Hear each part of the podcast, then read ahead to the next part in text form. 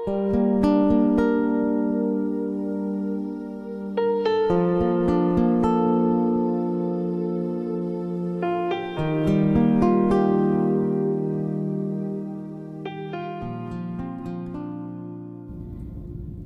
banyak teman dalam hidup Anda?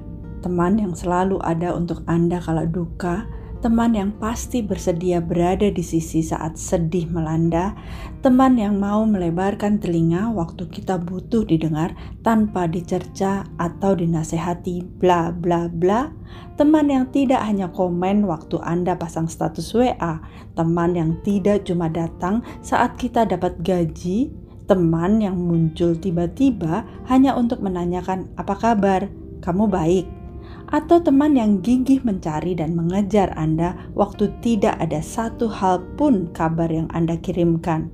Pertanyaan saya adalah, sudahkah Anda menjadi teman untuk orang lain?